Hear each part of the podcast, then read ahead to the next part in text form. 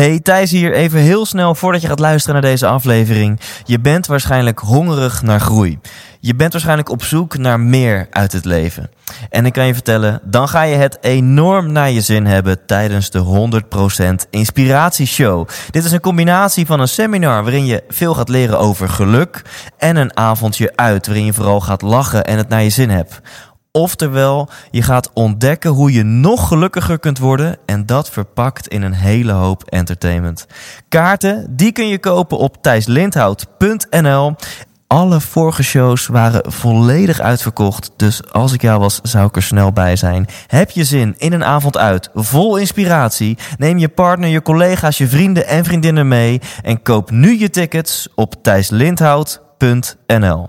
Hoi, ik ben Carolien Borgers en je luistert naar de 100% Inspiratie Podcast.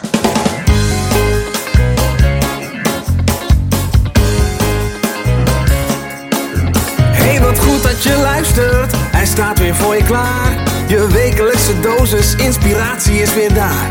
De allerleukste gasten geven al hun kennis prijs. Met je veel te blije host, hij praat je bij. Zijn naam is Thijs. Thijs,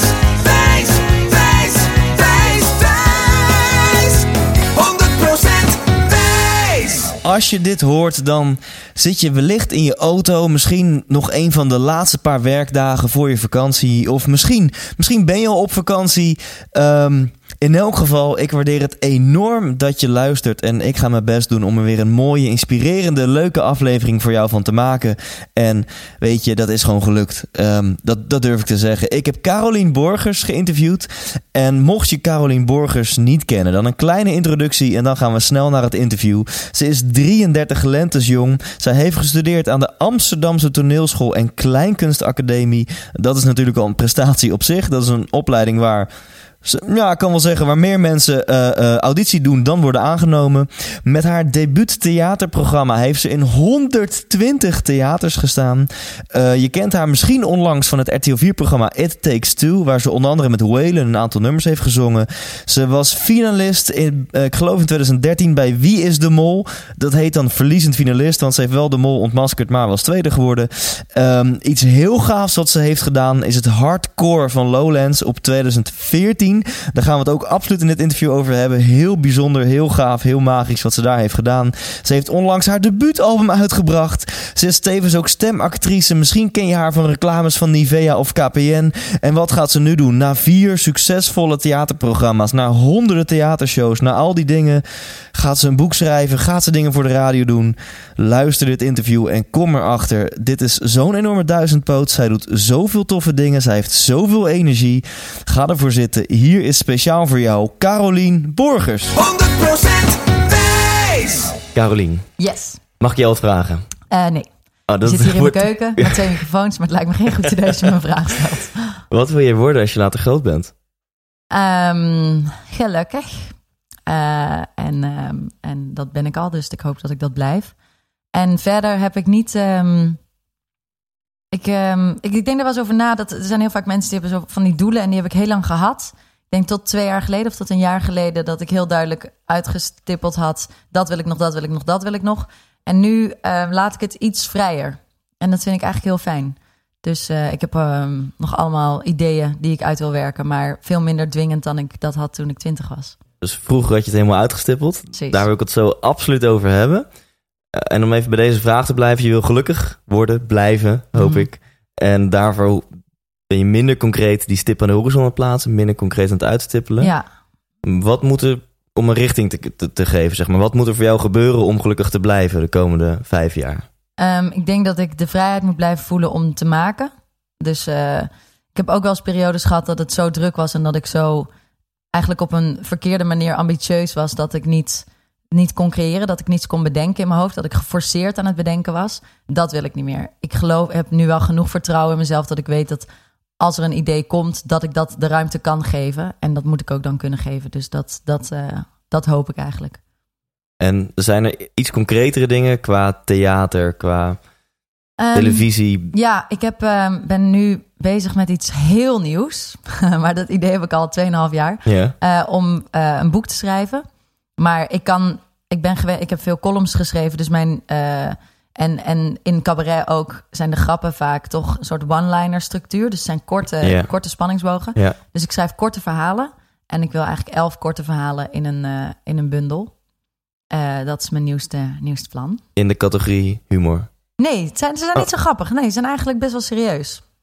Ja, het, vooralsnog gaat het over, ehm, over meisjes. En over hoe ze zich tot elkaar verhouden. En ehm, eh, op allerlei verschillende manieren. Dan wel vriendschappelijk, relationeel, seksueel. ehm, nou ja, dat soort dingen. Wauw, dat is echt even iets anders. Totaal Eh, iets Waar, anders. waar komt die...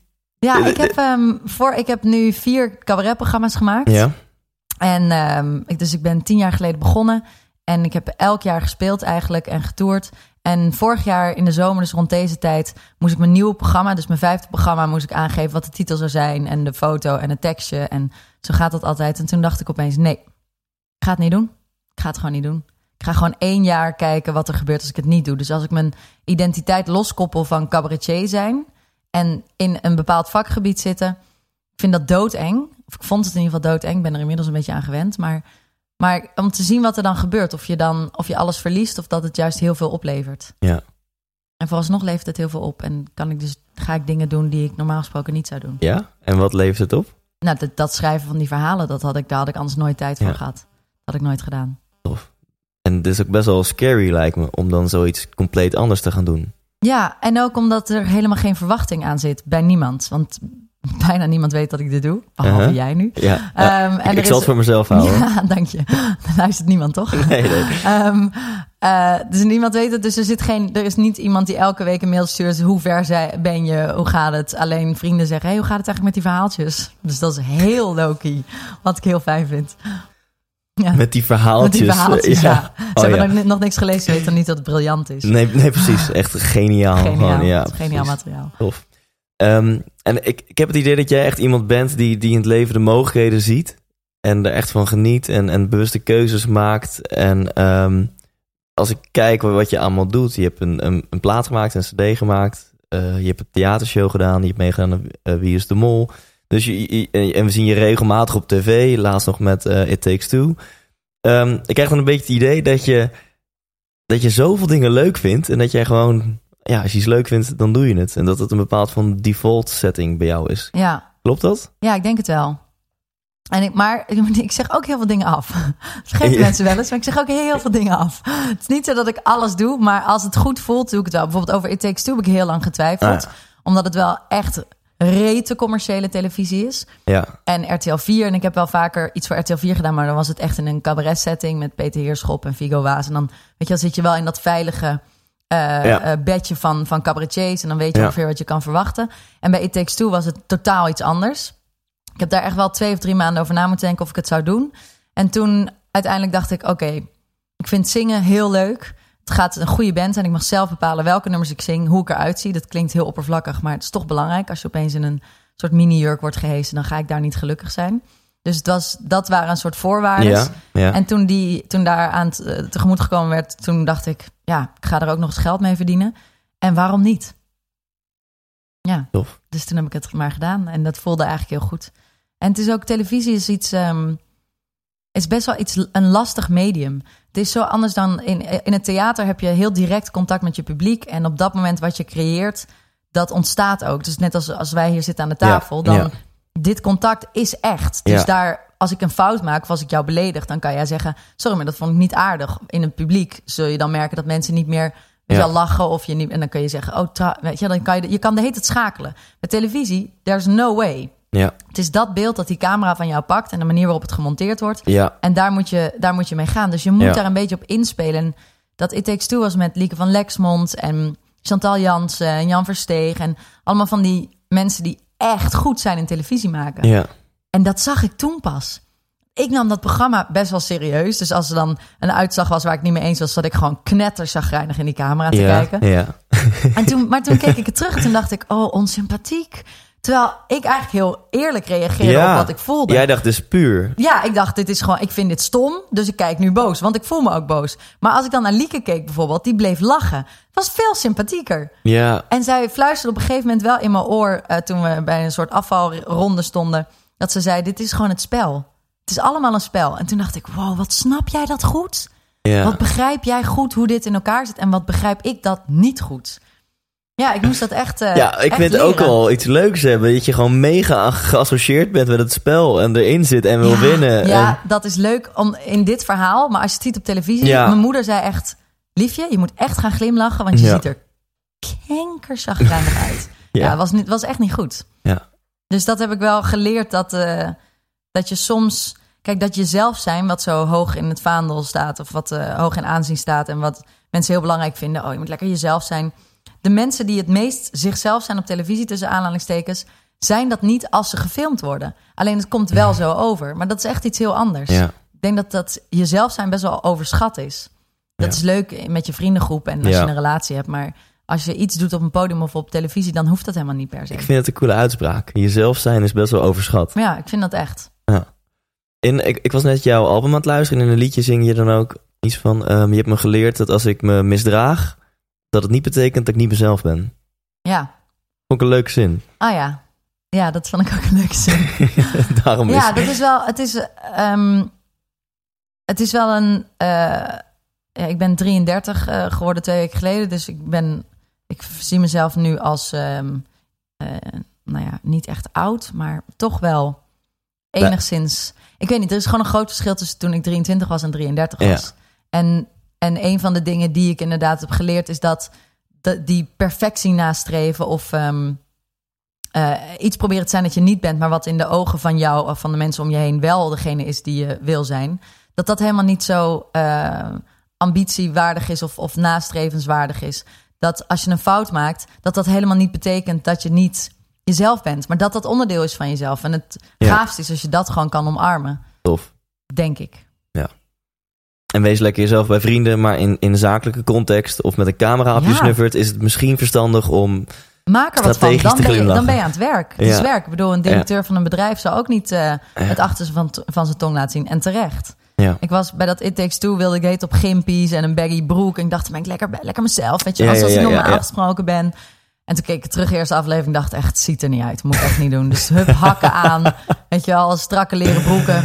Ja, je moet toch een beetje meegaan in, in, in het programma. Dan pas wordt het leuk. ja, tof. Maar ik vind het wel cool. Dat vergt toch een klein beetje misschien je ego aan de kant zetten of zo. Dat je denkt van, nou, ik ga nu in dienst zijn Ja, van het programma. minst het beeld dat je van jezelf hebt. Ja. Ja. daar, ik denk wel dat het de, een, verrijking is op een gegeven moment... als je dat een beetje los kan laten en daarmee kan spelen. Hey, laten we gaan naar de kern. Althans, als ik kijk naar jou, zeg maar, jouw cv, dan, dan valt één ding heel erg op. En dat is dat je gewoon vier knijten succesvolle theater eh, ehm, shows hebt gedaan. De, je debuutshow ehm, heb je 120 keer gespeeld. Dat is natuurlijk Ja. bizar. Ja. Ehm, was dit altijd al een droom van je? Wilde je cabaretier worden? Als de juffrouw aan jou vroeg, Caroline, wat wil jij worden in de klas? Nee, ik wilde altijd musicalster worden of Mariah Carey. Ik heb nooit cabaretier willen worden. nee, dat was... Ik heb wel... Ik keek wel altijd Brigitte Kaandorp en dat vond ik te gek. En dan ging ik dat nadoen met een bezem en als microfoon. En, maar dan ging ik gewoon jabber talken. Dus dan ging ik zo... En dan bedacht ik dat het publiek heel hard aan het lachen was. Ja. Maar ik maakte niet echt... Ik zei niks. En ik had op de toneelschool eh, heb ik ei- eigenlijk... ehm, dat was eh, vrij serieus. En eh, monologen gemaakt en niks met cabaret gedaan. En pas in mijn derde jaar ben ik liedjes gaan, gaan schrijven. Zelf, zelf liedjes gaan schrijven aan de piano. En toen had ik een voorstellingje gemaakt van... dat heet dan een etude in de derde. En dat, eh, dat duurde dan 20 minuten. Had ik vijf of zes liedjes. En die waren voor mij heel serieus. Ik had echt mijn ziel daarin gelegd over een relatie met een jongen die ik had. En die relatie die was heel erg... Ik had het gevoel dat ik alles fout deed altijd bij hem. En dat gevoel gaf hij me ook. En, en dan had ik een liedje gemaakt dat heette... Het komt allemaal door mij. En dat was iets van... eh, je vergeet je brood en bent bijna te laat. Ehm, je brood kom ik brengen, maar nog steeds ben je kwaad. Het komt allemaal door mij. En ik had dat bloedserieus geschreven. En dus ik speelde dat ook heel serieus. En het publiek begon keihard te lachen. en ik zat recht met mijn gezicht naar het publiek. Dus ik keek naar het publiek, want ik had- speelde op een Hammond-orgeltje. Van Roods pianootje. En ik dacht echt, wat de fuck gebeurt er? Ze snappen me niet. En toen dacht ik, of ze snappen me beter dan ik mezelf snap. En, en dit is eigenlijk een veel betere reactie dan hun ontroering of Ja, maar dit inzicht wat ze nu in mij hebben is misschien veel eerlijker dan ik zelf toe zou willen geven. Namelijk dat het gewoon het overgedramatiseerd Ja. gevoel is. Dat is gewoon pathetiek. En toen ging dat, vond ik dat opeens heel fijn. Toen dacht ik, oh, hier kan ik wel mee spelen. Dit kan misschien wel heel, heel leuk zijn. En toen, ehm, toen ben ik een cabaretprogramma gaan maken. Maar dit is in het derde jaar van de... Want dat is de Ja. Amsterdam, Amsterdamse Toneelschool en Kleinkunstacademie. Zo heet het. Ja, in het derde jaar ontdekte je dat je, dat je grappig was. Ja. Of dat mensen je teksten grappig vonden. Ja. En daar pas is jouw... eh, wa- Was het vanaf dat moment meteen ook een ambitie voor jou geworden? Van, hé, ik ga een cabaretprogramma schrijven? Ehm, nee, toen ben ik stage gaan lopen bij Acta aan de Munnik. Een Ja. jaar. Eh, en dat was eh, zes dagen in de week spelen. Dat was echt heel leerzaam. Toen ben ik nog meer liedjes gaan schrijven. En toen, ehm, ja, toen was ik klaar met school. Toen heb ik nog een jaar in de horeca gewerkt. En toen, eh, wat echt top was. Gadverdamme, wat is dat verschrikkelijk. Maar, ehm, en toen was ik klaar. En toen eh, ben, ik, eh, ben ik een programma gaan maken. En toen was Mojo ehm, Theater... die zeiden, we vinden het interessant en ga maar een uur maken en dan kijken of we het kunnen gaan verkopen. En dat zijn ze toen gaan doen. Tof. Ja. En als we even teruggaan. Je, je, bent, je hebt de toneelschool gedaan. Ehm, daar wordt niet iedereen toegelaten. Nee. Sterker nog, dat is volgens mij een van de moeilijkste opleidingen om toegelaten te worden. Ja. Hoe, heb je dat, eh, hoe heb je dat in de eerste instantie al geflikt om daar toegelaten te worden? Ehm, met een totale naïviteit, denk ik. Ik had geen idee. Ik had een boekje gekregen van mijn decaan. Ik kom uit Etteleur, dus het is lekker in het zuiden van Brabant. En eh, die had een boekje aan mij gegeven, want ik hield heel erg van toneel en zingen. En eh, ik zat in 6 VWO, toen gaf hij mij dat boekje. En dat boekje heb ik, heb ik hier nog steeds. Heb ik helemaal echt grijs gelezen, als dat kan. Maar het was helemaal... Ik kende ook alle plaatjes uit mijn hoofd. Want ik dacht, dit wil ik. Het is een soort fameschool, dacht ik. Dat is fantastisch. Kan, dus dan ga ik alleen maar doen wat ik leuk vind. Musical. En ja, musicals. Woehoe! Yay! En toen ging ik daar naartoe en toen hadden we de eerste ronde. Daar kwam ik doorheen. Toen een weekend kwam ik ook doorheen. Toen in de derde ronde, toen dacht ik al, oeh, dit wordt nu wel heel serieus. En toen moest ik een lied zingen en een monoloog doen. En toen heb ik, ehm, ik had namelijk nul verstand van iets. Dus ik zong ehm, De Kleine Zeemermin. Ja, en ik begon echt op mijn knieën alsof ik een staart had. Mhm. Ja, I did it all. Het was echt... eh, En dat vonden ze prachtig. Nee, vonden ze verschrikkelijk. Oh. Vonden ze verschrikkelijk. Ja, ik weet dat eh Adelheid Rozen, die ik zei, ik ga nu zingen eh, dicht bij, bij de mens of zo weet ik hoe dat liedje heette. van de kleine zeemermin. Toen keek Adelheid Rozen op van het papier. Toen zei ze: Je maakt een grapje, toch? Die typische toon van Adelheid. Ik zo: "Eh, Nee, ik was 17. Nee, ik ga dat echt zingen. Toen, dacht ik, toen zag ik haar al denken: Oké, never gonna happen. Ja. Maar toen zong ik het en ik denk dat ze dachten: dit meisje is zo bleu, die heeft zo geen verstand van wat dan ook. Dat kunnen we heel goed gaan vormen. Ja. En, eh, en ze is pas 17, dus eh, laten we daar aannemen. Dus Tof. ik denk dat dat het was, ja. En dan mag je stage lopen. En dan doe je dat bij Akda en de Munnik een Ja. jaar lang. ja. Dan denk ik ook weer van oké, hoe heb je dat voor elkaar gekregen? Ook weer een auditie. Iedereen moest auditie doen en ze namen één stagiair aan. En ehm, ik denk dat ik wel, dat ik eh, voor in die periode en voor die leeftijd ook wel vrij solid was. Ik was heel rustig en eh, ik kan, ik ben muzikaal, dus ik kon dat goed. ik moest gewoon heel veel koortjes zingen en dat vind ik heel leuk om te doen. En ik denk dat ze dachten, dat is een goede training voor haar. Dat was het ook. En de Munnik wil natuurlijk gewoon iemand die de beste was. Toch? Ja, misschien ook wel, ja. Ja, dan hoop ik dat ik dat was. Je was gewoon de beste. Ja, natuurlijk. Ja, en als je zegt je was heel solide, heel, heel stabiel, dat is natuurlijk wel heel belangrijk. Ik kan me Ja. voorstellen dat dat in die business, dat misschien je klasgenoten niet allemaal even zo, eh, zo stabiel Nee, ik was stabiel, maar vooral rete ambitieus. En eh, wel op een manier dat ik nu denk, jezus. Ik had echt een soort blinde vlek voor mijn tekortkomingen. Ehm, Prachtig. ja, dat, ik dat denk ging dat iedereen het- toch? Ja, in principe wel. Alleen ik, weet niet of ik er heel veel, of ik er echt een leuker mens van werd. Maar het was wel zo dat het in die tijd leverde het heel veel op. Want ik was echt ruthless in mijn ambitie. Dus misschien dat dat ook wel hielp. Maar ik was dus niet, ehm, niet op een vervelende manier. Ik was niet zo heel erg, ah, neem mij, neem mij. Mhm. Maar juist heel erg rustig en zo. Heel strategisch aan het plannen wat Ja. ik dan daarna moest doen en daarna moest doen. En Van elke dag stond je op met de gedachte, hoe kan vandaag mij Ja. weer iets verder bij mijn hoe droom kom gaan ik bij brengen? die volgende stap, ja. Want op dat moment was jouw ambitie nog musicalster worden. Nee, nee, nee, dat had Oh. ik al laten varen. Nee, mijn ambitie was toen al solo-programma maken. Oké, oké. Ja.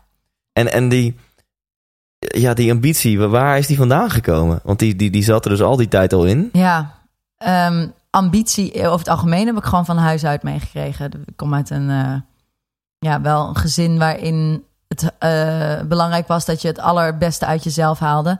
Wel echt zo'n jaren tachtig gezin. Alles is mogelijk, maakbaar. En als je hard je best doet, kan je alles voor elkaar krijgen. Mhm. En ik kom ook uit een gezin met een vader die heel erg eh, eh, gender equality predikte. Ondanks dat hij dat helemaal niet op dat moment zelf door had. Maar er was helemaal geen verschil tussen mannen of vrouwen bij ons thuis. Dus wat, wat een man kon, kon een vrouw ook. Ja. Dus mijn zusje en ik zijn echt opgevoed met alles. Alles kan jij. Jij kan alles. Wat, dus ook, wat ook voor die blinde vlek zorgde, Ja. overigens. Want dat het is natuurlijk ook niet waar. Ik kan natuurlijk helemaal niet alles. Maar dat was ook teleurstellend op een gegeven moment. Als je, als je daarachter komt, denk je, shit. Dat je, dat je geen astronaut kon worden. Mezelf echt voor de gek gehouden, ja. Maar het is wel fijn als je jong bent om op die manier te denken... omdat het zoveel ruimte opent in je hoofd. Ja. ja, weet je, zoveel mensen denken toch te veel in beperkingen. Ja, ja.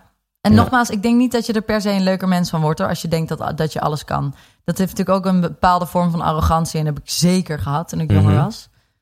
Ja, en misschien een vorm van arrogantie die je wel heel veel heeft gebracht. Want die ambitie heeft je, denk ik. Ja, dat denk ik wel. Ik denk als ik eh, in die, ik bedoel, onzekerheid heb je natuurlijk op verschillende eh, fronten, maar als ik op dat front onzeker was geweest, was ik niet hier geweest waar ik nu ben. No Nee, way. nee. En ehm, zag je het al voor je? Want toen je, kijk, nu kent half Nederland je, maar toen was je nou, een van de studenten van de toneelschool. Ah, Had jij toen al zo'n gevoel? Wist je het eigenlijk al van ik ga het maken? Had je al. Nee, nee, had ik helemaal niet. Nee, ik zat ook in een klas met allemaal hele knappe meisjes en hele getalenteerde meisjes. En ik was een beetje, eh, echt een beetje out of place daar. Ik was, ben heel lang het meisje uit Brabant geweest, die gewoon niet helemaal kon, kon settelen. En ik, eh, de, ja, de eerste vier jaar van toneelschool, of de vier jaar dat ik erop zat, kende ik ook eigenlijk alleen de route van huis naar school en weer terug. Ik, was ook, ik had nog nooit van het Mhm. Rembrandtplein gehoord. Dat soort dingen, of in ieder geval tot, tot mijn derde jaar. Ja. Dus ik was best wel wereldvreemd. Dus ik had helemaal niet idee dat ik, dat, dat ik het ging maken. En het zo confronterend, zo'n toneelschool. Je werkt dan met regisseurs. En dat zijn dan wat oudere mannen eh, die al wat eh, ervaring hebben. En die, eh, weet je, Carice hebben ontdekt en Halina. En, en die komen dan in zo'n klas. En je ziet gewoon meteen welke ze eruit pikken. Welke meisjes. En dat was ik nooit. Ja. Dus ik wist wel, als ik iets wil doen en iets wil en mijn geld wil gaan verdienen met wat ik leuk vind, dan moet ik zorgen dat het heel eigen wordt. En dat ik nooit afhankelijk ben van een oudere of een jongere man, dat maakt dan even niet uit, maar van iemand of een man of een vrouw die mij zal zeggen: dit mag je doen en dit niet. Want dat, die, die persoon ging ik niet worden. Nee. Ik ben nooit degene die uit de groep wordt gepikt en wordt gezegd, terwijl ik dat natuurlijk wel altijd gedroomd heb, maar ja, het is just not in the cards. Dat Mhm. iemand zegt: jij bent het, ik zie het in jou, ik ga je helemaal opleiden en eh, dit gaat het Nou, worden. maar nu heb je het gewoon helemaal zelf geflikt. En is dat niet veel stoerder? Misschien, maar ook wel veel zwaarder. Ja. Het is wel echt Want, loeizwaar want geweest. in, in die periode waarin je dus zegt van nou, toen was ik knetter ambitieus. Toen was je Mhm. een soort van stratege aan het spelen. Met je gewoon eh, over elke stap nadenken. Die visie op, op die stip. Wat dan toen al je eigen solo-programma Ja. was.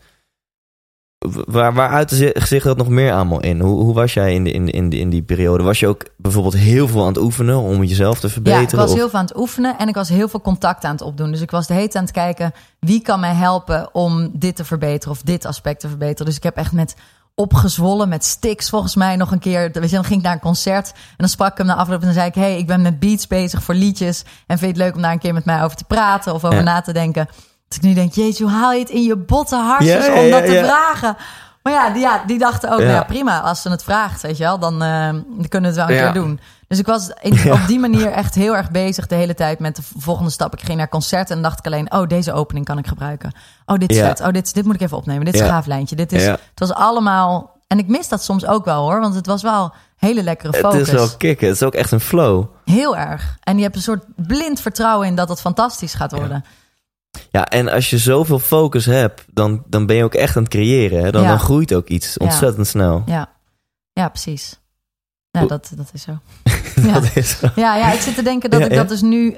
Ja. Daarna, als het, dan, als het je werk wordt, verandert dat toch. ja. dan gaat dat bijterige gaat eraf of zo. En dat is aan de ene kant fijn, want het is rustgevend. En ik vind ook dat als je wat ouder wordt, dat het niet meer echt in place is om op die manier zo te bijten de hele tijd. Maar aan de andere kant mis je ook soms wel die. Ja, ik heb het met het schrijven dan weer wel. En met liedjes maken eigenlijk ook. Maar het was wel ook heel erg fijn om gewoon elke nacht in bed te liggen en te denken: morgen wordt weer een fantastische dag waarin ik Ja. dat meesterwerk ga creëren. Ja. Ja, dus de, de, de fase daar naartoe werken en dat het er nog niet is, behalve in je hoofd, zeg Ja. maar. Dat is een andere fase dan dat, dat je er dus bent en dat je beroep is geworden en het van je wordt verwacht en je impresariaat zegt, hé, hey, wat wordt de titel van je volgende show? Precies. En, Ja, dat is toch minder vanuit, die, vanuit dat, die wilskracht die je dan in eerste instantie hebt gevoeld. ja. Ja, dus ik geloof dat dat ook wel een reden is waarom ik nu een jaar Ja, ben. Ik wil dat heel je- graag ja. weer terug. En ik vind ook als dat niet komt, dat, dat ik het ook niet meer moet doen. Dan moet ik iets anders vinden waar ik dat gevoel bij krijg. Wat vind je het leukste van, van een solovoorstelling doen? Ehm, ja, ik kom eigenlijk in eerste instantie meteen met een heel cliché ding, maar dat vind ik toch het gewoon de vrijheid die het geeft om om drie uur half vier naar een uithoek in Nederland te rijden. Daar je eten op te warmen. Je decor, Ja. weet je, op te Je hangen. eigen bakje eten heb je eigen bij. bakje ja. eten. Ik kook elke middag voor mijn technicus en mijn muzikant. En, eh, en dat, het is zoiets romantisch. Uh-huh. En dan komen er nou, soms 50, maar soms 350. Weet je het ligt Ja. eraan waar je speelt. Als je Ja. in eh Budel speelt, komen er misschien maar 50 of 60 mensen. Maar het maakt niet uit. Wie er ook komen, die komen allemaal hun huis uit Ja. die dag. Die, die zeggen nee, we gaan geen Humberto Tan kijken om half tien of weet ik hoe laat het is. Mhm. Of we kijken niet naar Goede Tijden. Nee, we gaan naar het theater om naar een meisje te kijken die ons iets gaat vertellen en liedjes gaat zingen. Ja. Nou, dat vind ik zoiets waanzinnig. Dat vind ik zo bijzonder. En dat gaat niet omdat het Ja. over mij gaat, Mhm. maar gewoon dat dat bestaat. Dat je naar het theater gaat om iemands gedachten te horen. En iemands, ja, waar iemand eh, een tijd aan heeft gewerkt. Dat vind ik echt heel, heel bijzonder. Maar dit vind ik al zo'n coole focus. Als jij er op deze manier over nadenkt, dan zeg je ook tegen jezelf... nou, beter ga jij iets moois neerzetten vanavond. Want geef die mensen, weet je wel, ze investeren hun meest kostbare bezit... Ja. namelijk hun tijd in jou. Ja, en En volgens ge- mij wat je dan het, wat, je, wat het meest bijzonder is, wat je kan geven, is toch jezelf. Ja, Of in ieder geval dat deel van jezelf wat je wil laten zien. Daarom is het ook, eh, ben je een jaar aan het schrijven aan zo'n programma. Ja. Want elk woord heeft voor mij een betekenis en wil ik. Elk woord is het waard om te vertellen op dat podium. Als dat Ja. niet zo is, dan moet je het woord schrappen. Ehm, ik had een hele intelligente vraag, maar die is door mijn kater is die hier zo, zo weggevlogen. Ehm ehm, wat wil ik vragen? Toekomst, ja. Je in dat boek, eh, dat boek aan het schrijven. Oh nee, sorry, dat wil ik vragen. Ah. Ehm, je hebt een enorme drive, dat merk ik ook gewoon nu als ik met je praat. En, en eh, over nou, dat je super ambitieus bent geweest. En volgens mij ben je nog steeds knetter ambitieus, maar iets minder planmatig. Ja, dat is het misschien. Dat Ja. is het. Ik vond dat planmatig op een gegeven moment echt vervelend. Ja. Voor En mezelf nu, ook. Nu gewoon meer richting geven, maar Ja. minder echt de stappen uitstippelen. Ja. Ja. precies. En je hebt ook meegedaan aan Wie is de Mol. En nou, daar ben je, heet het dan tweede geworden? Ben je tweede geworden? Ja. Nou, goed. In elk geval, daar heb je ook door die, die, die volgens mij die default setting van jou, die drive Ja. om te winnen, om er vol voor te gaan, ben je denk ik ook zo ver gekomen. Ja. ja, en ook überhaupt met dat programma meedoen was niet echt in eerste instantie een optie, want ik was helemaal niet bekend genoeg. Ik had eh, twee keer met Mag ik kussen meegedaan bij de AVRO en verder had ik niks gedaan. Dus ehm, dat was nog best wel lastig om daar binnen te komen, want ze willen natuurlijk altijd A-sterren, A-celebrities. En ik was echt eh, far from that. Mhm. Dus dat was, was niet makkelijk, maar ik wilde dat zo graag dat ik gewoon allemaal mensen om me heen had verzameld die mee hadden gedaan of die goed woordje voor me konden doen. En toen uiteindelijk had ik eindelijk zo'n interview. Ik had echt al twee jaar brieven geschreven. Serieus, dus het is niet zo dat Wie is de Mol jou benaderde. Oh jawel, ja tuurlijk. Nee, wie is de Mol heeft mij benaderd. En jij wees En ze toen af. heb ik eerst afgewezen, want ik had heel druk met andere dingen. Ik was heel vol dat seizoen. Eh, en toen uiteindelijk zei ik, oké, ik doe het dan wel. Nee, ik wilde dat heel graag. Ik, Wat, dat, vind ik echt super cool. dat was denk ik wat ik het allerliefst wilde met Wie is de Mol meedoen. Omdat het... Ik vond het zo'n gaaf programma. Ik dacht, ik vind dat echt te gek. En ehm, mocht het. En, en op dat moment, je zegt dat je was nog niet heel beroemd op het moment, maar Nederland kende jou van je, je eerste theatershow, Ja, denk ik. ja, e- eerste twee theatershows. En van, eh, ik deed een column bij de NCRV. Ja. Daar keken wel wat mensen naar. En eh, Mag ik u kussen had ik twee keer gedaan. Dus dat zo was... Keken dan ook Ja. een paar mensen naar. Maar Ja. niet, de, niet, niet groot, zeg Ja. maar. ja, en na twee jaar lang brieven schrijven, mensen om je heen verzamelen die, die mee hebben gedaan, die een goed woordje voor jou kunnen doen, toen mocht je daar komen. Ja, toen mocht het. En wilde je eigenlijk de mol zijn? Nee, nee wilde ik niet. Nee, ik, ik ken mezelf te goed om te... eh, ik wist dat, dat die jacht vond ik veel leuker dan het, Ja. dan het eh, liegen en de mol zijn. Ja. Ja, dat lijkt me ook.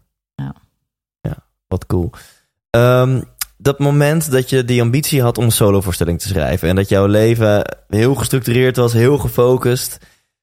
Uiteindelijk is het je gelukt en heb je met je debuut eh, show of ja, je, je debuut solovoorstelling 120 theaters gedaan. Mhm. Hoe heb je dat geflikt? Eh, ehm, er is een impresariaat weer afgekomen, neem ik aan. Ja, dat Ehm, was dus- Maar er zijn meer mensen die dit willen en die het niet bereiken. Dus ik ben wel even benieuwd wat jouw verhaal is. Ja, het, eh, dat is toch weer mensen kennen. Maar dat was hetzelfde impresariaat dat Akda de Munnik eh, deed. Dus die hadden mij daar gezien en die zeiden... oké, we vinden het leuk wat je doet en we zijn geïnteresseerd. En ik wilde, niet, ik wilde per se niet aan een festival meedoen... want ik wilde niet een jaar competitief cabaret maken. Ik weet niet, die twee termen voor mij ga niet samen. Ja. Ik wilde dat niet, dus ik dacht ik ga het proberen op een andere manier. Wat me uiteindelijk nu met terugwerkende kracht is misschien niet zo handig geweest, want daardoor is naar mijn, zijn naar mijn eerste programma geen recenten gekomen, bijvoorbeeld. Die vinden het dan toch niet interessant, zo'n naam die ze niet kennen en ook Ja? al. Ja, ja, nee, dat is hard hoor. Terwijl als je met een festival meedoet en ook Dus al word je omdat jij niet kameretten of leidscabaret of weet ik veel wat, ja, denken ze nou, dat gaan we niet, dat vinden we niet interessant genoeg. interessant genoeg. Hebben, we- hebben nog geen beeld van niks. Dus dan komen ze gewoon niet. En dat heeft me wel. Dat vond ik wel zwaar. Dat voelde wel een beetje alsof ik in de steek werd gelaten door mensen die, die juist het moesten zien wat ik had gemaakt. Ja. En naar het tweede programma zijn er een paar gekomen. Maar het is, het is toch moeilijk omdat je dan niet. Met zo'n festival heb ik meer het idee dat je mensen al aan je bindt. Weet je wel? Die hebben je heel kwetsbaar gezien, 20 minuten, 25 minuten zien maken. Hebben daar al over geschreven. En dan krijg je zo'n Ja. kunnen mensen met je meegroeien. En met mij, mijn publiek is wel met me meegegroeid, maar recensenten hebben niet, zijn niet met mij meegegroeid. Die hebben niet vanaf het begin af aan gezien wat ik heb gedaan. ja, dat is jammer. Ja, Ja. dat is jammer. En had je die uit kunnen nodigen? Ja, heb ik ook gedaan. Oh ja, ze kwamen gewoon niet. Ik wist ook helemaal Ja, niet. ja, ik heb ze allemaal Nee. uitgenodigd. Bizar. Ja, En je zegt heel bescheiden, eh, gewoon connecties, want het impresariaat kende je al van Acta en Munnik. En, maar Ja. goed, je moet natuurlijk wel een goede show neerzetten. Ja, Eh, dus ze hadden mijn- dus, ja, ze hoe is dat gelopen? ze hadden mij een testcase eigenlijk gegeven. Ik had een gesprek bij Mojo met George Visser. En die zei, ehm, in augustus eh, hebben we de, klein, de grote zaal in Etteleur, dus mijn hometown. En daar is dan een soort open ding, eh, of een soort uitmarkt. En dan mag je een uur spelen of 50 minuten. Ga dat maar maken. En dan gaan we zien eh, of, we het, of we er iets mee kunnen. Dat was natuurlijk eigenlijk doodeng. Ja, En toen heb ik 50 minuten gemaakt. En ehm, toen hoorde ik dat zij achter in de zaal zaten en eh, na afloop aan het high-fiven waren. En toen zeiden ze, we gaan het doen. vet. Dus dat was heel tof. En Ja. toen een uurtje spelen. En daarna mocht je met om, tafel om een deal te maken. Ja, toen En- heb ik een jaar gekregen om een nieuw programma, om het programma te gaan maken. ja. Om het, en met een regisseur te gaan werken en eh, flyers en posters en alles te gaan Ja. bedenken. En toen het jaar daarna ben ik gaan spelen. En dat uur was denk ik niet de eerste keer dat je, hè, dat je grappen maakte op een podium. Ik denk dat je heel wat try-outs had gedaan of wat kleinere gigs. Nee, het was echt de eerste keer dat ik dat deed. Serieus? Ja, daarvoor had ik een, een liedjesprogramma gedaan, De Allesvreter in Bellevue, maar dat was alleen liedjes, was geen tekst. Het was de eerste keer, ja, het sloeg nergens op. Dus je, je, weet je, je, je had al jarenlang die focus, je had al grappen geschreven, Ja. heel veel theaters bezocht, met de juiste mensen gesproken. Ja. Maar dit was de eerste keer dat je ja, op een het podium was ging echt staan. best wel kut hoor. Ik bedoel, het le- leuk dat ze high-fiveden, maar dat kan niet goed zijn geweest. Ik had echt geen idee wat ik deed. Pas toen ik met een Ja, regisseur ja. ben gaan werken en ben gaan repeteren en try-outs Uh-huh. ben gaan doen, ben ik daar beter in geworden. Maar Ja. dat was niet eh, in eerste instantie. Nee, was dat niet zo. Ja, voor jouw standaarden blijkbaar Ja, niet. maar ja. zij eh, zaten high-fivend in de zaal. Ja, ja, zij vonden het tof. Wat? Ze vonden het in ieder geval gedurfd, denk ik. En Ja. dat ze ook dachten, oké, ze gaat iets doen wat... Dus ik, doe, ik doe dus nooit typetjes of zo, dat kan ik ook helemaal niet. Dus het was op een, het was een, op een andere manier rauw. Ja. Ik denk dat ze dat fijn eraan vonden. Het zou zo kunnen zijn dat andere mensen tegen zo'n kant zouden zeggen... nou ja, ik ben er nu nog niet klaar voor... en ik heb nog helemaal nog nooit voor het publiek gestaan. En, dit, Ja. weet je wel? en jij denkt, nou ja, dit ligt in lijn met mijn droom. Ja, Gaan. ja eigenlijk, dat doe ik eigenlijk altijd. Of niet eens in lijn met mijn droom, maar alles waar, waarvan ik denk, oeh, dat is eng. Ja. Zeg ik altijd ja op. Ja, Ik heb eh, twee weken, nee, drie weken geleden een TED-talk gehouden vet. in Tilburg. En de hoofdspreker was Manneke Lewinsky. En ik heb nog nooit een TED-talk gehouden en het ging over fotografie. En daar weet ik helemaal niet zoveel van. En ik dacht, ze belde mij en ik dacht, doodeng, ja, doen. Maar waarom doe je een TED-talk over fotografie? Ja, het was de, de man die het organiseerde, had ik ontmoet in New York. En toen hadden we allebei naar een foto gekeken. Toen waren we allebei verliefd geworden op die foto. En hij mailde mij de dag daarna. Het zei hij, wil je op die TED-talk in Tilburg komen vertellen over die foto? dacht ik, ja, wil ik wel. Is die TED ook al te bekijken? Nog niet. Ik heb hem nog niet eh, gezien, maar hij komt, eh, hij komt wel online. Oh, heel tof. Ja. En ehm, ze gingen high-fiven. Je mocht eh, eh, de theaters in. Je kreeg een jaar om je show te verfijnen. Ehm, wat zat er dan tussen? Heb je heel veel getry-out? Hoe, hoe vaak heb jij voor het publiek gestaan? Ja, heel veel getry-out. Ik heb alle try-out podia van Nederland aangeschreven. Dus ik stond ook, oh my god, ik stond ook echt in Zwolle in zo'n concertzaal. Nee, zo'n zo'n poppodium Ja, op drie meter hoog. ja. En dan vier mensen op een klapstoel in de zaal om half zeven en dan grapjes maken. Dood wilde ik echt. Oh. Zo erg, was zo erg. En dan met de trein terug en je decor onder je arm. Mm. Oh ja, het was ook, nu is het heel romantisch, maar op dat moment vond ik wel ik echt weet heel goed wat echt je bedoelt. ellendig. Ja. Ja, en in Almere eh, stond ik op een gegeven moment op een soort open podium. Toen liepen allemaal mensen weg, omdat het godslasterend was, vonden ze dan. Oh, het was echt verschrikkelijk. Dat jaar was echt zwaar.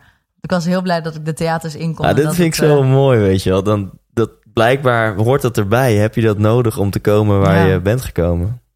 Ik weet niet, ik had mezelf willen besparen. Het Nou, het heeft je vast wel iets gebracht, toch? Ja, een goede anekdote misschien. Zegt ze verbitterd. ja, fuck. Dus dat wat, ik nog zeggen? Oh ja, maar, maar dat is ook investeren, neem ik aan. Dat is dan nog echt nog geen geld verdienen. Dan zit je voor Nee, nee, vier nee. mensen in Zwolle. Nee, nee, helemaal niks Te verdien ik spelen. daarmee. Al die, Nee. al die, eh, die podia, open podia, dat is allemaal, allemaal gratis spelen. Ja. Nee, daar verdien je niks mee. En toen stond jouw show. En mocht je in één keer 120 theaters doen? Of, of eh, Ja, eerst je langzaam doet de eerste 80. eh, eerste seizoen of zo, of 70 deed ik er toen. En dan wordt het goed ontvangen, vinden mensen het leuk. En dan mag je dus in, in het seizoen daarna nog een keer eh, een heel seizoen spelen. Ja. Omdat je ook dan nog lang niet alle theaters hebt gehad. Wat nu overigens moeilijker is in deze tijd, omdat heel veel theaters over de kop gaan. Ja. En sluiten. Maar in die tijd was het ook nog, moet je je nog voorstellen, was dus negen jaar geleden. Toen was het ook nog gewoon ehm, subsidie galore, weet je wel. Die theaters kregen allemaal Oh, subsidie. ja, Dus ja. je kon ook wel...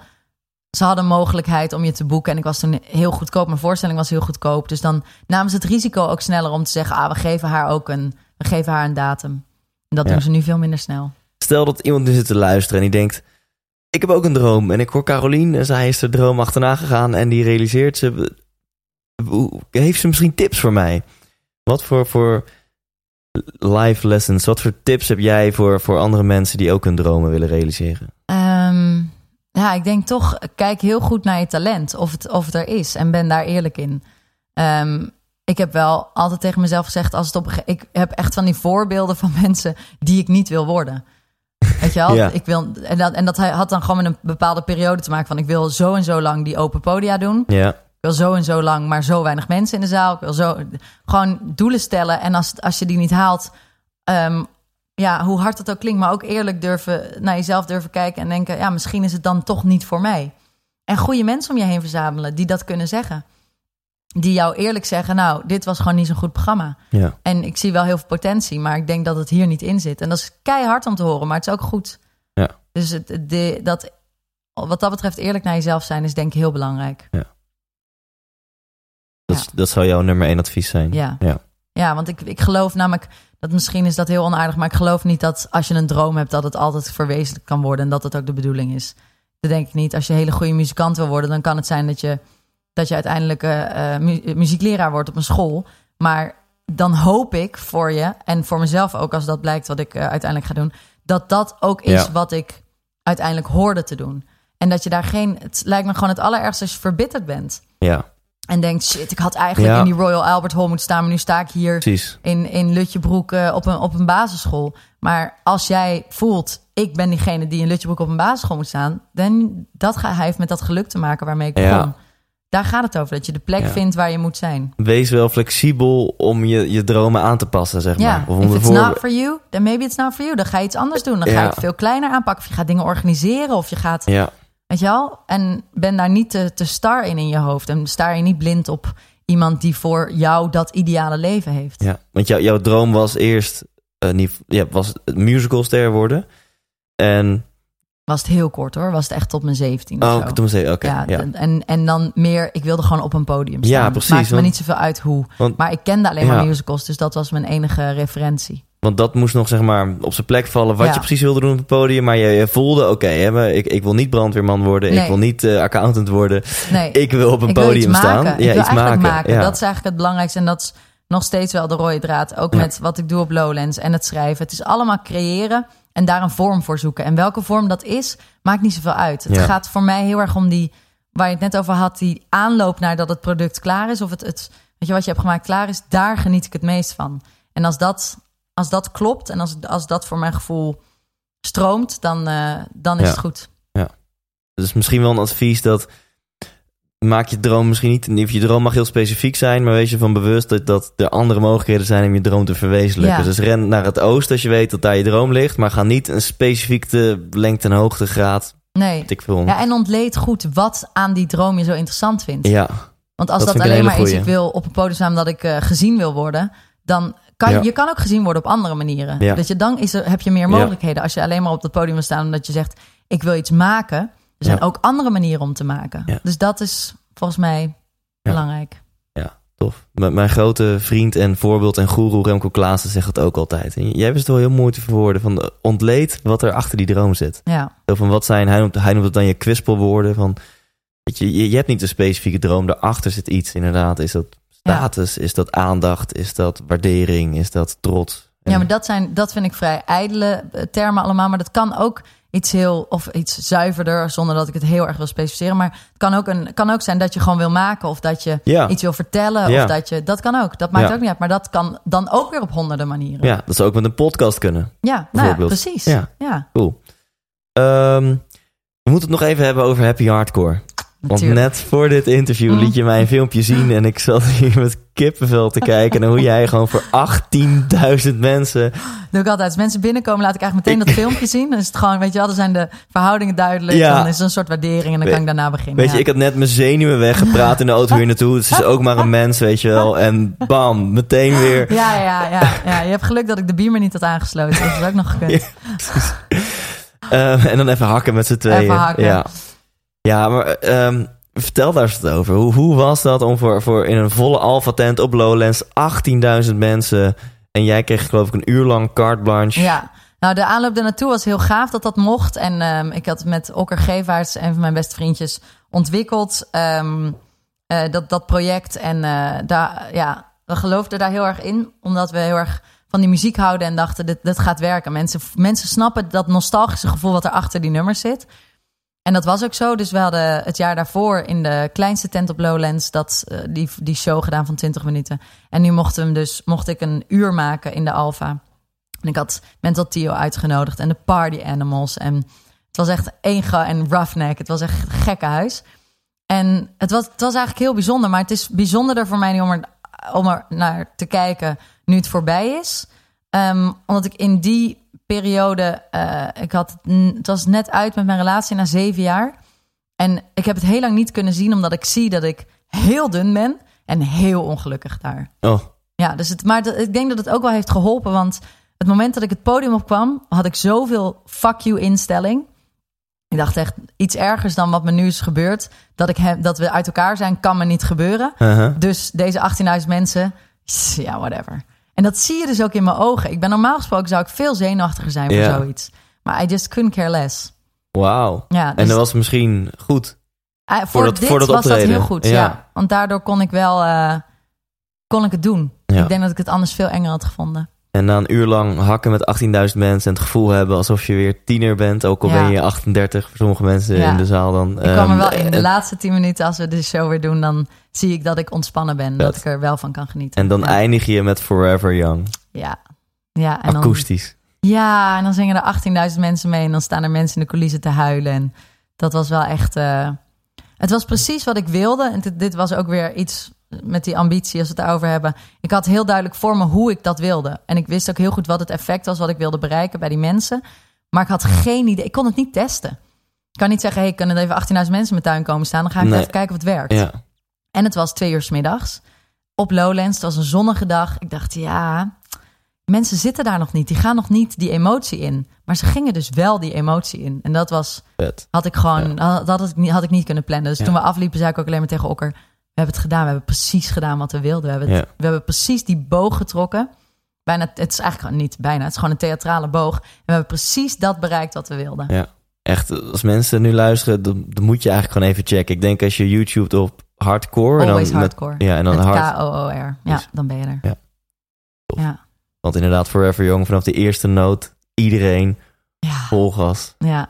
Cool. ja dat was fantastisch. Ehm, ik ga een paar vervelende vragen aan je stellen. Ah, en daar mag jij een heel leuk antwoord op geven. Oké. En eh het zijn ook wel moeilijke vragen. Vorige week had ik Aart-Jan, die liep helemaal vast. Maar, ja. maar jij kan dit. Oké. Ehm, wat is het beste advies dat je ooit hebt gekregen? Ehm, moet hem even, ik weet hem namelijk, maar ik moet even kijken of, ik hem nog letterlijk weet. Volgens mij wees zacht en onverbiddelijk.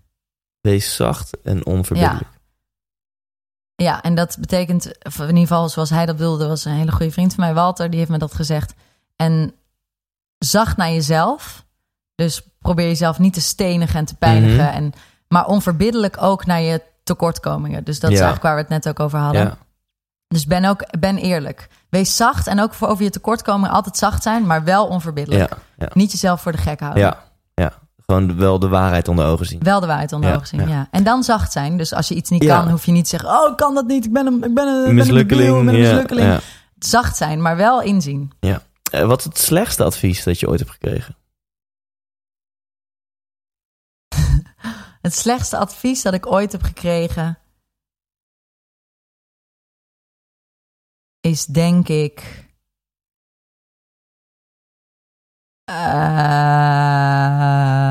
Ehm.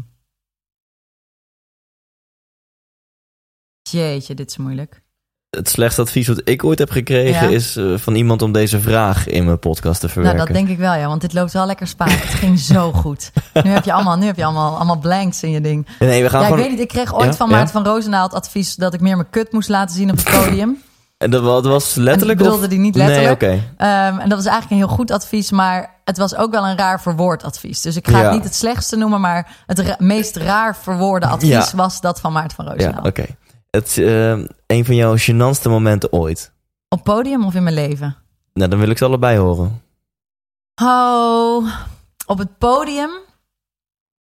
Ehm, op het podium ben ik ooit uitgegleden over mijn eigen decor. Toen voelde ik me wel heel naakt, want dan ben je opeens op een hele rare manier heel kwetsbaar. Ja, En mensen zien dat. ja, En dan moet je dat moet je terugkrabbelen en dan mo- Oh, moet je een soort ja. sterk weer worden. Maar Ja. je voelt je kwetsbaar en zij weten ook dat je kwetsbaar bent. ja. En dat vond ik heel lastig.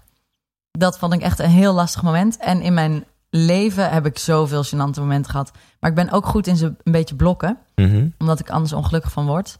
Maar, ehm, oh, ik moet ze eigenlijk opschrijven. Ja, er zijn er heel veel. Ehm, nou ja, nee, ik, ik weet Nee, niet. Ik heb vorige week nog een verkeerd berichtje naar verkeerd iemand gestuurd. Weet je wel. Oh ja, ja, dat soort ja. dingen. Dat Ja. zijn echt dat van die momenten dat ik zit te schelden achter mijn telefoon. Ik zelf heb een keer Let It Be mogen zingen voor Davy de Wit, de bas, een van de beste bassisten van Nederland en Ja. directeur van conservatorium in Enschede. Maar ik kan niet, weet je, wees eerlijk aan jezelf, ik kan niet zingen. Vroeger Mm. bij eh, muzieklessen zei mijn muziekdocent, daar is 2% voor. Iedereen kan zingen. Iedereen kan in elk geval toonvast, kan iedereen leren. Nou, behalve 2% van de mensen, die kunnen dat gewoon niet. En Thijs drie raden bij welke categorie jij hoort, zeg maar. Ach, Maar goed, dus eh, heb ik eh, een van de meest muzikale Nederlanders mogen zingen. Als auditie. Ging hem niet worden. oh. Maar ehm, terug naar jou. Wat ligt er op je nachtkastje? Boeken en oordopjes. Ehm, nu ligt er een boek van Hemingway op en een boek dat heet I Love Dick. Ehm, wat niet over Dick gaat, maar wel over Dick. De hoofdpersoon heet Dick. Ja, En oordopjes, want ik woon eh, onder een heel lief gezinnetje met een kleine baby. Maar ze zijn ja. allebei arts en ze moeten om kwart voor zeven gaan ze weg. Dus ik word altijd om half zeven wakker Ja, ja. van het gestommel. en dat is niet helemaal jouw ideale tijd om op te staan. Nee, iets later. Ietsje later. Ja, kwartiertje ja. later. Wat is jouw guilty pleasure? Mijn guilty pleasure. Ehm, ja, ik denk eigenlijk in eerste instantie aan iets wat vrij specifiek is. Maar ik kijk in de Albert Heijn altijd of er in de, de snoepafdeling, als de vakvullers daar aan het bezig zijn, dan trekken ze altijd een zak snoep open om zelf een handje uit te pakken als ze aan het werk zijn. En dat ben ik op een gegeven moment achtergekomen. Dus altijd in Albert Heijn check ik eerst of er een zak snoep open ligt. En dan pak ik ook een handje. Dat is wel een van mijn guilty pleasures. Ik vind... je brengt mensen op ideeën. Zo. Ja, ik hoop het. goed. Ehm, deze man schop ik niet uit mijn bed. Ehm, Russell Brand. Ah, Ja, die zou ik niet uit mijn bed schoppen. Nee, ik heb hem live gezien in LA eh, twee Ja. jaar geleden of drie jaar geleden. En ik vond hem, ik vind hem niet per se aantrekkelijk. Dus ik, zou hem, ik wil hem niet uit mijn bed, niet, niet uit mijn bed schoppen. Omdat ik hem nou zo heel graag alle hoeken, of hij mij alle hoeken van de kamer laat, wil laten zien. Weet ik veel. Man-vrouw verhoudingen, seksueel, vind het allemaal heel lastig. Ja. Maar vooral omdat ik het een originele denker vind. En ik wel benieuwd ben eh, hoe dat zou zijn. ja. Ken je die film Get Him to the Greek? Ja. Dat is echt mijn favorite movie Echt? of all times. Oh, ja. wat cool. Ja, Ja, ik, vind hem bijzonder. Ik vind het een bijzondere gast. Ja. Ja, Ja. als je ook zijn levensverhaal leest, hoe hij dus heeft dus ook toneelacademie gedaan, is hij af- vanaf gekikt omdat hij alleen Ja. maar aan de kook zat en Ja, ik, ik ben ze weer vergeten, maar hij, er zijn een paar hele leuke anekdotes over zijn leven. Hoe hij zeg maar altijd... Nou, hij, hij, hij krijgt gewoon voor het grote publiek dat hij kan bereiken, is hij in staat om onderwerpen aan te snijden die niet iedereen kan aansnijden. En hij doet dat wel. Dat vind ik gewoon, dat vind ik en wel hij knap. is fucking intelligent. Hij is heel intelligent. Ja. Tof. Dit is On The Spot deel 2. Er komt een tegenstelling. En ehm, ja, aan jou om, om zo eerlijk mogelijk Course. vanuit je Ik diepste heel eerlijk. Ik innerlijke... zit in mijn keuken. Ja. Ik kan niet eerlijker zijn dan ja, dit. precies. Ehm, ochtend of nacht? Ochtend, altijd. Bestuurder of passagier? Bestuurder, altijd. Groene smoothie of Engels ontbijt? Groene smoothie, Altijd. altijd. Naakt of pyjama? Ehm, pyjama. Maar dat vinden mensen die in mijn bed slapen minder fijn. Maar Ja, ik vind waarom? het heel lekker een pyjama. Ik heb altijd koud en het is fijn. Ja. En dan voel ik me heel erg zo geborgen. En nee, I love py- pyjama's. ja. Kamperen of all-inclusive? Ehm, oh, allebei niet. Ehm, Die hoor ik vaker. dan wordt het, ehm, wordt het kamperen. Klassieke muziek of death metal?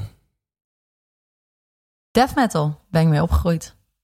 Nooit meer muziek of nooit meer seks? Ja, die vind ik echt kut. Ja, dat kan er niet. Het is bijna hetzelfde. Het is allebei... God, nooit meer muziek of nooit meer seks. Nee, ja, dit kan je me echt niet... Oké, nooit meer muziek. Seks wint het dan toch Ja. net. Ja. Ja. Een hutje op de hei of een herenhuis aan de gracht? Hutje op de hei, Een wilde tijger of een Russische dwerghamster? wilde tijger, Malediven of IJsland? IJsland, Thuis koken of uit eten? uit eten, Basic fit of personal trainer? personal trainer, Maandagochtend yoga of vrijdagmiddag borrel? Vrijdagmiddag borrel, Risico's nemen of op safe spelen? risico's nemen. Geld maakt gelukkig of geld maakt ongelukkig? Geld maakt gelukkig. Richard Branson of Steve Jobs? Ehm, Steve Jobs, Justin Timberlake of Justin Bieber? Justin Bieber. De eerste! Dit is interview nummer 20. Ik heb 19 keer Justin Timberlake gehoord. Nee, Justin Timberlake, dat laatste nummer vind ik zo'n uitgewassen... pff. Van Dance. Dance, dat. Ja, Feeling Good of zo. Ja. Die, die happy eh, remake. Nee, vind ik verschrikkelijk. Oké. Focus op de toekomst of focus op het hier en nu? Focus op de toekomst. Ik kan niet hier en nu. Ik zou graag willen hier en nu, maar dat lukt me niet. En genieten van de weg er naartoe of genieten van het eindresultaat? Ik zou graag willen genieten van de weg naartoe, maar ik, ik ben iemand van geniet van het eindresultaat. Je, je focust je daar zo hard op. Ja. Ik heb een vraag voor jou van Aart-Jan van Erkel. Die heb Ah, ik ja. vorige keer geïnterviewd. Die ga ik er nu bij pakken. En eh, ben heel benieuwd naar jouw antwoord. Ik ben heel benieuwd naar de vraag. Ja, leuk. Het is een hele, een hele leuke dame, volgens mij multitalent. Eh, eh, muziek, cabaret. Ehm, en ik ben wel benieuwd hoe zij internet gebruikt om haar, haar zalen vol te krijgen. Dus zij is ook een ondernemer eh, uiteindelijk, neem ik aan. Hoe zorgt ze ervoor dat de zalen vol zitten, dat ze bereik krijgt, dat mensen haar sympathiek gaan vinden, dat mensen eh, ehm, haar content op internet gaan delen? Wat heeft voor haar nou goed gewerkt? Oké, goede vraag. Hoe gebruik ik internet? Ja, niet. Dat is dus echt eh, mijn, mijn downfall. Ehm, nee, ik had op een gegeven moment heel weinig volgers. Waren dan ook nog steeds eigenlijk niet zo heel veel. Maar het enige wat ik, waarvan ik weet dat het werkt, als je op televisie bent, dan krijg je veel meer volgers erbij. Dus op Facebook heb ik nu wel heb ik er veel, maar ik doe er eigenlijk helemaal niks mee. Ik geloof er ook zelf niet zo in. Ik ga zelf ook niet naar mensen die ik online dan dingen zie doen. Ja, dat is nee. En jouw zalen komen vol doordat mensen Televisie, jou kennen van televisie. ja, Ja, of voornamelijk. ook dat mensen natuurlijk het woord verspreiden als ze jou een keer live in Ook, actie hebben precies. gezien. Ja, dus Ja. dat is een beetje het idee dat het altijd verdubbelt als Ja. je één keer ergens bent geweest, dat daar de mensen weer iemand meenemen. Ja. Maar nee, internet doe ik veel te weinig mee. Volgende week interview ik Mark Tichelaar. En eh, ik weet niet of hij zichzelf zo zou noemen, maar ik noem hem de, de brain, de brain expert eh, van, eh, van Nederland. Mhm. Ehm, en je mag ook een vraag aan hem stellen. Ja, hij doet dus, hij, hij kan heel goed dingen onthouden, heeft er allemaal methodes voor bedacht. Eh, zijn er momenten dat hij twijfelt aan zijn eigen brein? Dat wil ik graag weten, Punt. omdat hij er zo mee bezig is Ja. en het zo eh, probeert te ontleden en te snappen. Zijn er dan nog momenten dat hij zelf er niet op vertrouwt? Tof. Met een leuke vraag. Voordat we het interview eindigen, is er nog iets wat we van jou moeten weten? Ehm, iets wat we in de gaten moeten gaan houden van jou komende tijd? Helemaal niks. Hey Carolien, welke vraag had ik moeten stellen, maar heb ik niet gesteld? Ehm, nee, je hebt alles al gesteld en anders heb ik alles verteld.